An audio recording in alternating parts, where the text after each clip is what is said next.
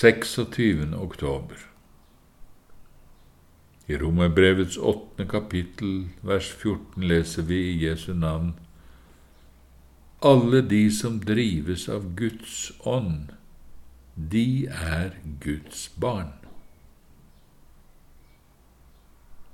Rosenius skriver Dette er det store og avgjørende kjennetegnet. Blant alle mennesker på hele jorden er det bare disse som er Guds barn, de som drives og lar seg lede gjennom livet av Guds ånd. Guds ånds barn er Guds barn. Alle de som er Guds barn, de drives av Guds ånd. De som ikke drives av Guds ånd, de er ikke Guds barn. Slik viser dette skriftstedet oss det store, grunnleggende kjennetegnet som skiller Guds barn fra alle andre mennesker. Over hele verden finner vi dette store skillet. Den store masse av mennesker lever bare etter kjødet, enten det skjer i løsslupne og grove former, etter deres egne lyster og etter tidsånden i denne verden, eller det foregår på en finere måte, med strev for å bygge opp egen rettferdighet, men uten å styres av Ordet og av Ånden. Men der Kristi evangelium ennå lever blant menneskene, der finner vi også et annet folk. Et folk hvor hovedsaken alltid er dette har jeg den rette troen og livet i Kristi fotspor. Et folk som med all sin skrøpelighet og sukk over synd likevel alltid er opptatt med å leve i tro og å følge Kristus, og døde sitt kjød, og både med ord og gjerning bekjenne sin Herre, slik at hele deres liv går i motsatt retning av verden for øvrig.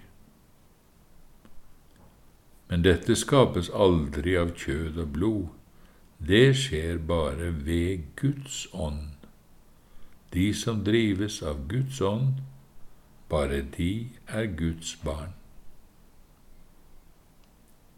Guds barn, egentlig Guds sønner. Hvor finnes det menneske som kan tro og innstille seg på noe så stort? De som har lett for å tro dette, har visst aldri innsett hva disse ordene virkelig innebærer.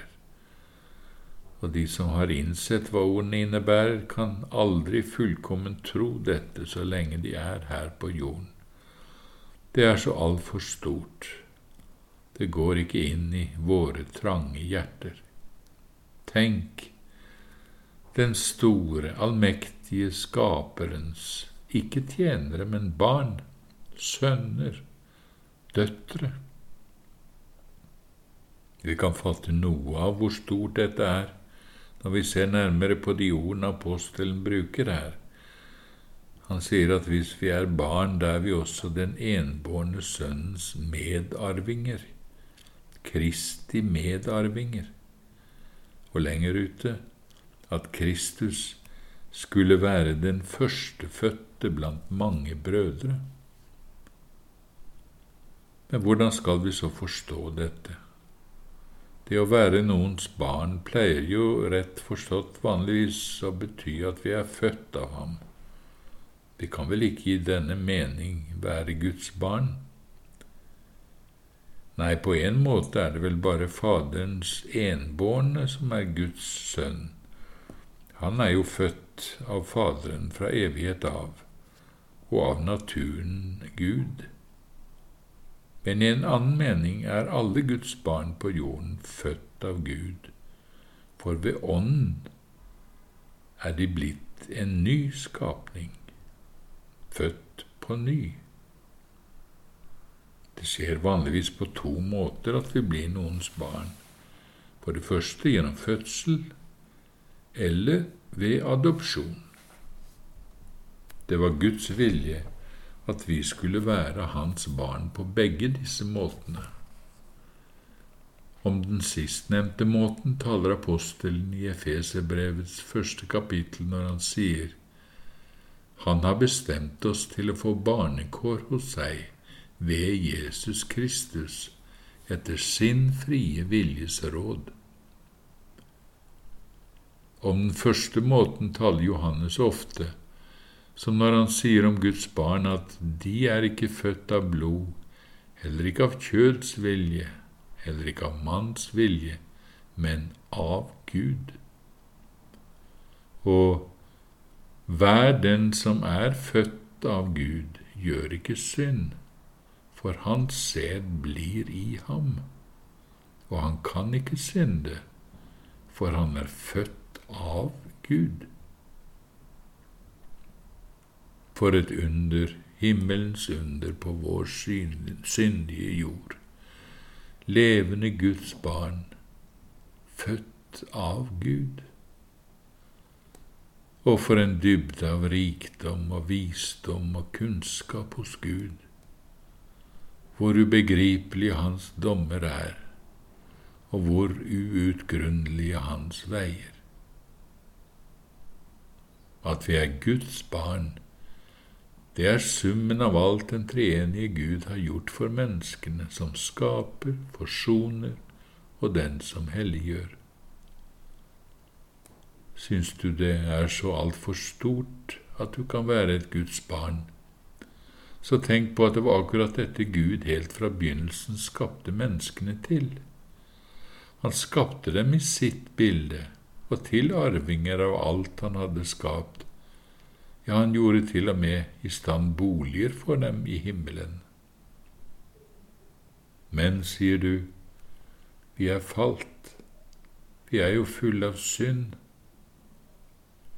Husk da på at det var derfor Gud sendte sin enbårne sønn, for at han skulle bli menneske som oss, og med sin lydighet inntil døden gjenerobret han det barnekåret vi hadde mistet ved ulydighet.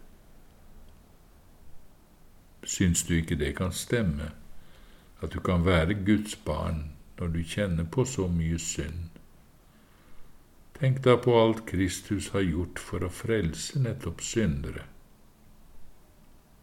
Men, sier du igjen, alle mennesker er ikke dermed uten videre Guds barn i rett betydning.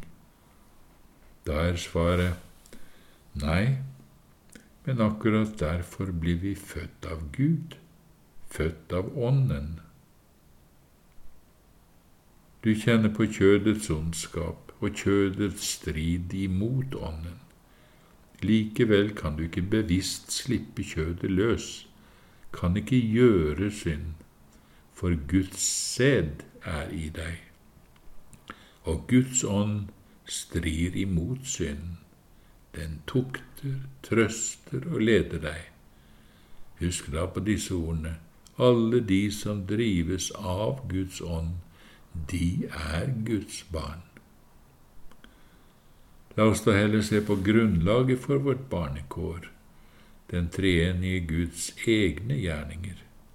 Og da vil vi, på tross av all skrøpelighet og alle hjertets innvendinger, kunne bekjenne at Gud er større enn vårt hjerte, og vi er i sannhet Guds barn, alle de som drives av Guds ånd.